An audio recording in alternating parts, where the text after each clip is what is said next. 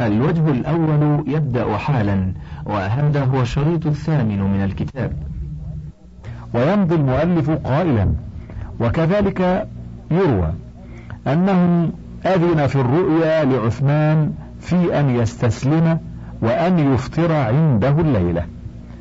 فهذه كلها أمور جرت على رسم النزاع ولم تخرج عن طريق من طرق الفقه ولا عدت سبيل الاجتهاد الذي يؤجر فيه المصيب عشرة والمخطئ أجرا واحدا. وفي الهامش يقول قال شيخ الإسلام ابن تيمية في منهاج السنة لم يكن معاوية ممن يختار الحرب ابتداء بل كان من أشد الناس حرصا على ألا يكون قتال وكان غيره أحرص على القتال منه.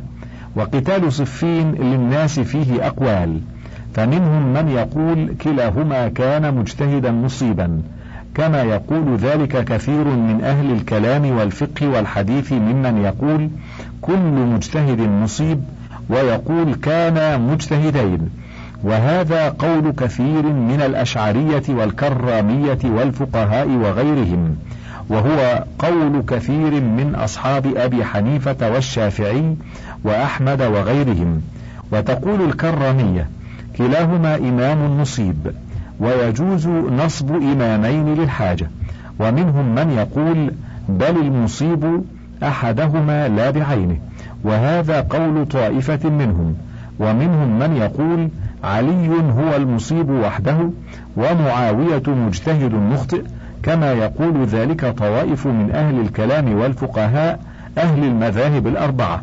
وقد حكى هذه الأقوال الثلاثة أبو عبد الله حامد من أصحاب الإمام أحمد وغيره. ومنهم من يقول كان الصواب ألا يكون قتال وكان ترك القتال خيرا للطائفتين فليس في الاقتتال صواب. ولكن علي كان أقرب إلى الحق من معاوية. والقتال قتال فتنة ليس بواجب ولا مستحب. وكان ترك القتال خيرا للطائفتين مع أن عليا كان أولى بالحق. وهذا قول أحمد وقول أكثر أهل الحديث وأكثر أئمة الفقهاء وهو قول أكابر الصحابة والتابعين لهم بإحسان وهو قول عمران ابن حسين رضي الله عنه وكان ينهى عن بيع السلاح في ذلك القتال ويقول هو بيع السلاح في الفتنة وهو قول أسامة بن زيد ومحمد بن مسلمة وابن عمر وسعد بن أبي وقاص وأكثر من بقي من السابقين الأولين من المهاجرين والأنصار رضي الله عنهم.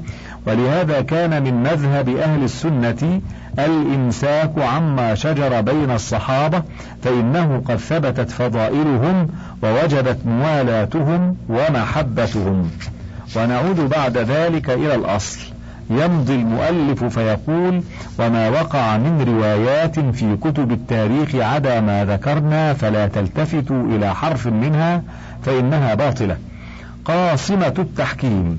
وقد تحكم الناس في التحكيم. فقالوا فيه ما لا يرضاه الله.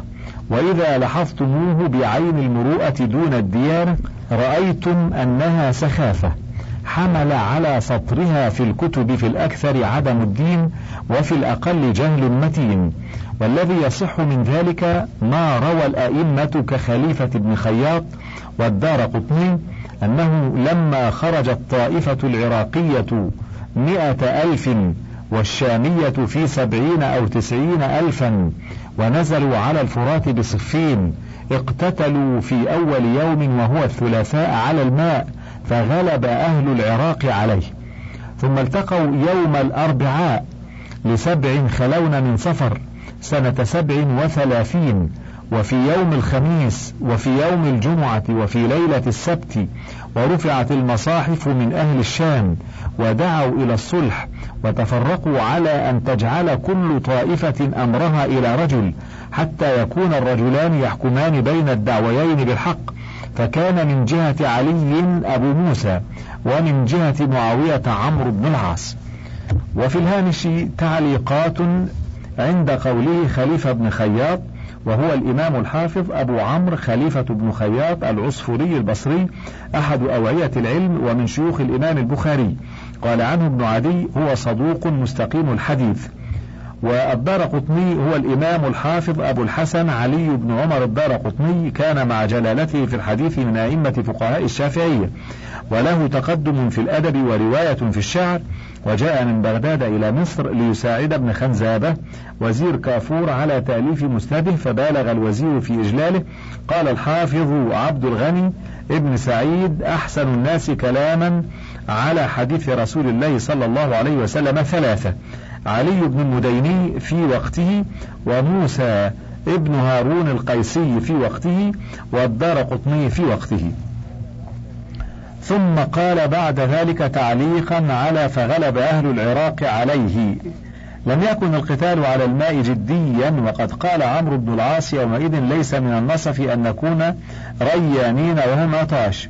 والذين تظاهروا في الجيش الشامي بمنع العراقيين عن الماء أرادوا أن يذكروهم بمنعهم الماء عن أمير المؤمنين عثمان في عاصمة خلافته وهو الذي اشترى بئر رومة من ماله ليستقي منه ويسقي إخوانه المسلمين. وبعد اشتراكهم في الماء تناوشوا شهر ذي الحجة من سنة ست وثلاثين ثم تهادنوا شهر المحرم من سنة سبع وثلاثين ووقعت وقائع شهر صفر التي سيشير إليها المؤلف. ويمضي بعد ذلك فيقول ويوم الخميس ويوم الجمعة وليلة السبت. وكانت تسمى ليلة الهرير اقتتل الناس فيها حتى الصباح. ويمضي بعد ذلك فيقول ثم التقوا يوم الأربعاء لسبع خلون من صفر سنة سبع وثلاثين. وفي يوم الخميس وفي يوم الجمعة وليلة السبت ورفعت المصاحف من أهل الشام ودعوا إلى الصلح وتفرقوا على أن تجعل كل طائفة أمرها إلى رجل حتى يكون الرجلان يحكمان بين الدعويين بالحق. فكان من جهة علي أبو موسى ومن جهة معاوية عمرو بن العاص. وفي الهامش عند أبو موسى وكان آخر العهد بأبي موسى عندما كان واليا على الكوفة. وجاء دعاة علي يحرضون الكوفيين على لبس السلاح والالتحاق بجيش علي استعدادا لما ينتظرونه من قتال مع أصحاب الجمل في البصرة ثم مع أنصار معاوية في الشام. فكان أبو موسى يشفق على دماء المسلمين أن تسفك بتحريض الغلاة ويذكر أمة محمد صلى الله عليه وسلم بقول نبيهم في الفتنة القاعد فيها خير من القائم. فتركه الأشتر يحدث الناس في المسجد بالحديث النبوي وأسرع إلى دار الإمارة فاحتلها. فلما عاد إليها أبو موسى منعه الأشتر من الدخول وقال له اعتزل إمارتنا. فاعتزلهم أبو موسى واختار الإقامة في قرية يقال لها عرض بعيدا عن الفتن وسفك الدماء.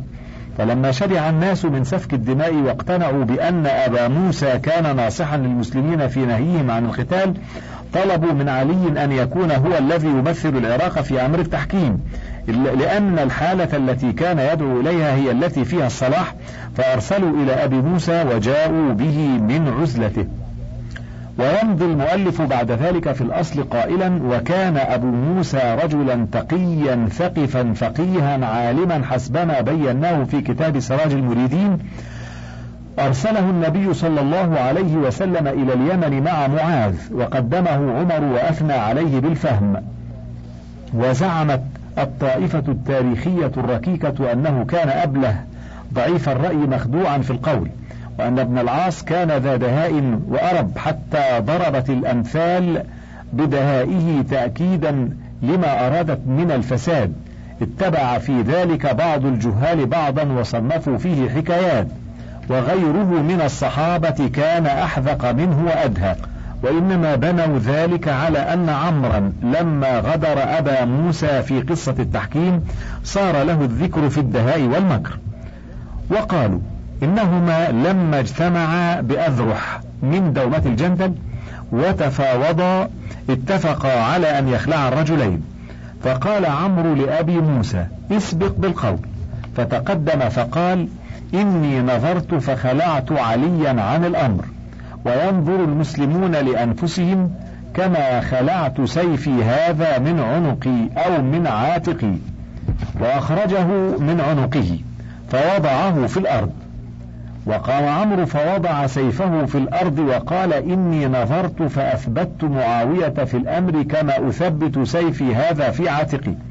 وتقلده فأنكر أبو موسى فقال عمرو كذلك اتفقنا وتفرق الجمع على ذلك من الاختلاف. وهنا هوامش عند كلمة دومة الجندل. يقول أذرح قرية من أعمال الشراه تقع في منطقة بين أراضي شرق الأرض والمملكة السعودية في الأطراف الجنوبية من بادية الشام. واتفقا على أن يخلعا الرجلين. وفي الهامش تعليق على ذلك يقول من الحقائق ما إذا أسيء التعبير عنه وشابته شوائب المغالطة يوهم غير الحقيقة فينشأ عن ذلك الاختلاف في الحكم عليه. ومن ذلك حادثة التحكيم وقول المغالطين إن أبا موسى وعمرا اتفقا على خلع الرجلين فخلعهما أبو موسى واكتفى عمرو بخلع علي دون معاوية وأصل المغالطة من تجاهل المغالطين أن معاوية لم يكن يومئذ خليفة ولا هو ادعى الخلافة حتى يحتاج عمرو إلى خلعها عنه. بل إن أبا موسى وعمرا اتفقا على أن يعهدا بأمر الخلافة على المسلمين إلى الموجودين على قيد الحياة من أعيان الصحابة الذين توفي رسول الله صلى الله عليه وسلم وهو عنهم راضٍ. واتفاق الحكمين على ذلك لا يتناول معاوية لأنه لم يكن خليفة ولم يقاتل على الخلافة وإنما كان يطالب بإقامة الحد الشرعي على الذين اشتركوا في قتل عثمان. فلما وقع التحكيم على إمامة المسلمين واتفق الحكمان على ترك النظر فيها إلى كبار الصحابة وأعيانهم تناول التحكيم شيئا واحدا هو الإمامة. أما التصرف العملي في إدارة البلاد التي كانت تحت يد كل من الرجلين المتحاربين فبقي كما كان. علي متصرف في البلاد التي تحت حكمه ومعاوية متصرف في البلاد التي تحت حكمه. فالتحكيم لم يقع فيه خداع ولا مكر ولم تتخلله بلاهة ولا غفلة. وكان يكون محل للمكر أو الغفلة لو أن عمرا أعلن في نتيجة التحكيم أنه ولى معاوية إمارة المؤمنين وخلافة المسلمين وهذا ما لم يعلنه عمرو ولا ادعاه معاوية ولم يقل به أحد في الثلاثة عشر قرنا الماضية. وخلافة معاوية لم تبدأ إلا بعد الصلح مع الحسن بن علي وقد تمت بمبايعة الحسن لمعاوية. ومن ذلك اليوم فقط سمي معاوية أمير المؤمنين. فعمرو لم يغالط أبا موسى ولم يخدعه لأنه لم يعط معاوية شيئا جديدا ولم يقرر في التحكيم غير الذي قرره أبو موسى ولم يخرج عما اتفق عليه معا فبقيت العراق والحجاز وما يتبعهما تحت يد من كانت تحت يده من قبل وبقيت الشام وما يتبعها تحت يد من كانت تحت يده من قبل وتعلقت الإمامة بما سيكون من اتفاق أعيان الصحابة عليها وأي ذنب لعمر في أي شيء مما وقع. إن البلاهة لم تكن من أبي موسى ولكن ممن يريد أن يفهم الوقائع على غير ما وقعت عليه فليفهمها كل من شاء كما شاء أما هي فظاهرة واضحة لكل من يراها كما هي. ويمضي المؤلف بعد ذلك في الأصل فيقول وقام عمرو فوضع سيفه في الأرض وقال إني نظرت فأثبت معاوية في الأمر كما أثبت سيفي هذا في عاتقي. وفي الهامش تعليق على ذلك يقول أي أمر إن كان الاستمرار في إدارة البلاد التي تحت يده فإن هذا الأمر ماض على معاوية وعلي معا. فكل منهما باق في الحكم على ما تحت يده.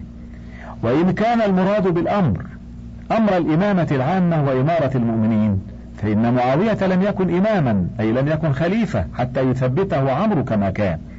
وقد أوضحنا هذه الحقيقة في الفقرة السابقة. وهذه هي نقطة المغالطة التي هزأ بها مؤرخ الإفك المفترى فسخروا بجميع قرائهم وأوهموهم بأن هناك خليفتين أو أميرين للمؤمنين وأن الاتفاق بين الحكمين كان على خلعهما معا وأن أبا موسى خلع الخليفتين تنفيذا للاتفاق وأن عمرا خلع أحدهما وأبقى الآخر خليفة خلافا للاتفاق. وهذا كله كذب وإفك وبهتان. والذي فعله عمرو هو نفس الذي فعله أبو موسى لا يفترق عنه قط في نقير ولا قطمير وبقي أمر الإمامة أو الخلافة أو إمارة المؤمنين معلقا على نظر أعيان الصحابة ليروا فيه رأيهم متى شاءوا وكيف شاءوا.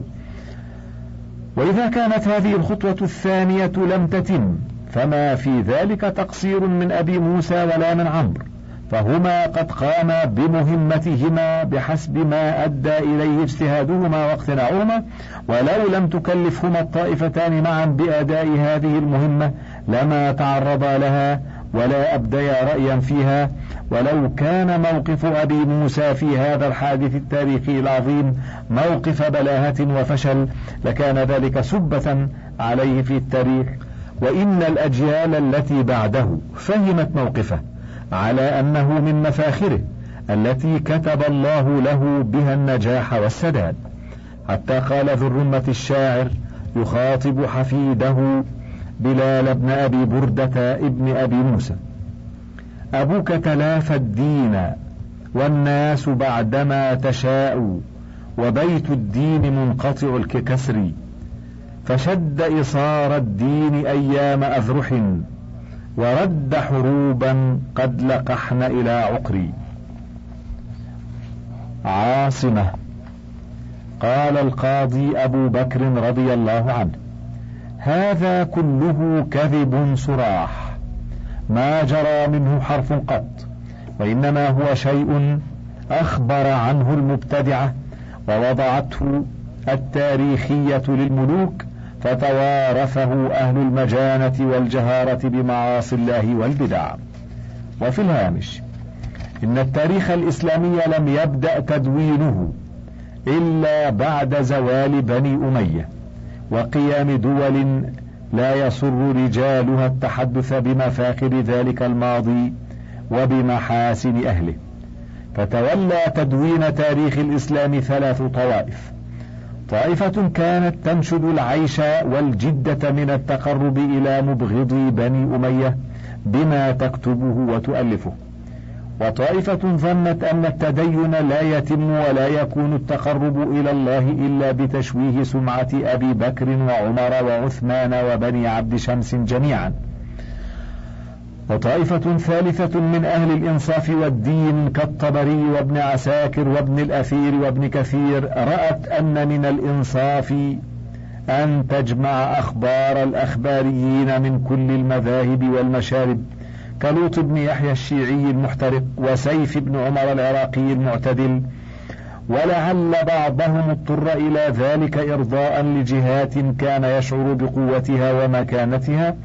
وقد أثبت أكثر هؤلاء أسماء رواة الأخبار التي أوردوها ليكون الباحث على بصيرة من كل خبر بالبحث عن حال راويه وقد وصلت إلينا هذه التركة لا على أنها هي تاريخنا بل على أنها مادة غزيرة للدرس والبحث يستخرج منها تاريخنا.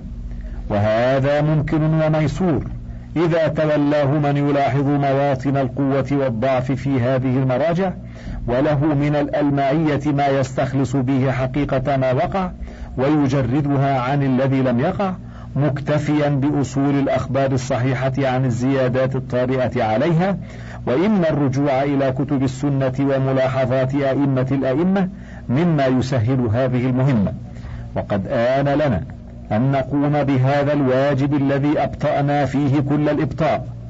وأول من استيقظ في عصرنا للدسائس المدسوسة على تاريخ بني أمية العلامة الهندي الكبير الشيخ شبلي النعماني في انتقاده لكتب جورج زيدان. ثم أخذ أهل الألمعية من المنصفين في دراسة الحقائق فبدأت تظهر لهم وللناس منيرة مشرقة ولا يبعد إذا استمر هذا الجهاد في سبيل الحق أن يتغير فهم المسلمين لتاريخهم وأن يدركوا أسرار ما وقع في ماضيهم من معجزات. ويمضي المؤلف في الأصل قائلا وإنما الذي روى الأئمة الثقات الأثبات أنهما لما اجتمعا للنظر في الأمر في عصبة كريمة من الناس منهم ابن عمر ونحوه. عزل عمرو معاوية. ذكر الدار قطني بسنده إلى حضين بن المنذر. لما عزل عمرو معاوية جاء أي حضين بن المنذر فضرب فسطاطه قريبا من فسطاط معاوية فبلغ نبأه معاوية فأرسل إليه فقال إنه بلغني عن هذا أي عن عمرو كذا وكذا. فاذهب فانظر ما هذا الذي بلغني عنه. فأتيته فقلت أخبرني عن الأمر الذي وليت أنت وأبو موسى كيف صنعتما فيه. قال قد قال الناس في ذلك ما قالوا. والله ما كان الأمر على ما قالوا. ولكن قلت لأبي موسى ما ترى في هذا الأمر؟ قال أرى أنه في النفر الذين توفي رسول الله صلى الله عليه وسلم وهو عنهم راض. قلت فأين تجعلني أنا ومعاوية؟ فقال إن يستعن بكما ففيكما معونة وإن يستغنى عنكما فطالما استغنى أمر الله عنكما. قال فكانت هي التي فتل معاوية منها نفسه فأتيته فأخبرته أي فأتى حضين معاوية فأخبره أن الذي بلغه عنه كما بلغه فأرسل إلى أبي الأعور الذاكوني فبعثه في خيله فخرج يركض فرسه ويقول أين عدو الله؟ أين هذا الفاسق؟ قال أبو يوسف أظنه قال إنما يريد حوباء نفسه. فخرج عمرو إلى فرس تحت فسطاطه فجال في ظهره عريانا فخرج يركضه نحو فسطاط معاوية وهو يقول إن الضجور قد تحتلب العلبة. يا معاوية إن الضجور قد تحتلب العلبة. فقال معاوية أجل وتربذ الحالب فتدق أنفه وتكفأ إناءه. وفي الهامش تعليقات جاء فيها. ذكر الدار قطني بسنده إلى حضين بن المنذر. يقول قال الدار قطني حدثنا إبراهيم بن همام حدثنا أبو يوسف الفلوسي وهو يعقوب بن عبد الرحمن بن جرير. حدثنا الأسود بن شيبان عن عبد الله بن مضارب عن حضين بن المنذر وحضين من خواص علي الذين حاربوا معه. وفي الهامش أيضا عند قوله والله ما كان الأمر على ما قالوا أي عزله عليا ومعاوية وتفويضه الأمر إلى كبار الصحابة وأنهما لم يعزلا ولم يوليا ولكن ترك الأمر لأعيان الصحابة. وهناك تعليق آخر عند قوله قال أبو يوسف وأظنه قال إنما يريد حوباء نفسه أي الفلوسي. راوي هذا الخبر عن الأسود بن شيبان عن عبد الله بن مضارب عن حضين وفيه أيضا وقد تحتلب العلبة الضجور الناقة التي ترغو وتعربد عند الحلب. وقد تحلب الضجور ومعناه أن الناقة التي ترغو قد تحلب ما يملأ العلبة يضربونه للسيء الخلق. قد يصاب منه الرفق واللين وللبخيل قد يستخرج منه المال. وتكفأ إناه ربذت يده بالقداح أي خفت. والربذ خفة القوائم في المشي وخفة الأصابع في العمل. وفلان ذو ربذات أي ذو فلتات. وكثير السقط في كلامه. ثم يمضي المؤلف بعد ذلك في الأصل قائلا. قال الدار قطني. وذكر سندا عدلا ربعي عن أبي موسى أن عمرو بن العاص قال والله لئن كان أبو بكر وعمر تركا هذا المال وهو يحل لهما منه شيء لقد غبنا ونقص رأيهما. وأيم الله ما كانا مغبونين ولا ناقصي الرأي ولئن كان امرأين يحرم عليهما هذا المال الذي أصبناه بعدهما لقد هلكنا. وأيم الله ما جاء الوهم إلا من قبلنا. فهذا كان بدء الحديث ومنتهاه. فأعرضوا عن الغاوين وازجروا العاوين وعرجوا عن سبيل الناكثين إلى سنن المهتدين وأمسكوا الألسنة عن السابقين إلى الدين وإياكم أن تكونوا يوم القيامة من الهالكين بخصومة أصحاب رسول الله صلى الله عليه وسلم. فقد هلك من كان أصحاب النبي صلى الله عليه وسلم خصمه ودعوا ما مضى فقد قضى الله فيه ما قضى. وخذوا لأنفسكم الجد فيما يلزمكم اعتقادا وعملا. ولا تسترسلوا بألسنتكم فيما لا يعنيكم مع كل ناعق اتخذ الدين هملا. فإن الله لا يضيع أجر من أحسن عملا ورحم الله الربيع ابن خيثم فإنه لما قيل له قتل الحسين قال أقتلوه؟ قالوا نعم. فقال اللهم فاطر السماوات والأرض عالم الغيب والشهادة أنت تحكم بين عبادك فيما كانوا فيه يختلفون ولم يزد على هذا أبدا فهذا العقل والدين والكف عن أحوال المسلمين والتسليم لرب العالمين. قاصمة.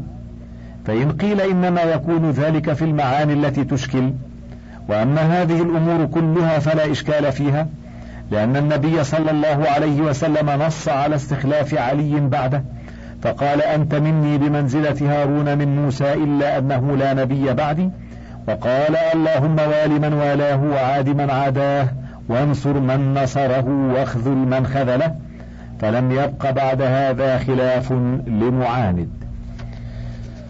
جاء في الهامش يقول في كتاب المغازي من صحيح البخاري وفي فضائل الصحابة من صحيح مسلم ومن حديث سعد بن أبي وقاص أن رسول الله صلى الله عليه وسلم خرج إلى تبوك واستخلف عليا فقال أتخلفني في الصبيان والنساء؟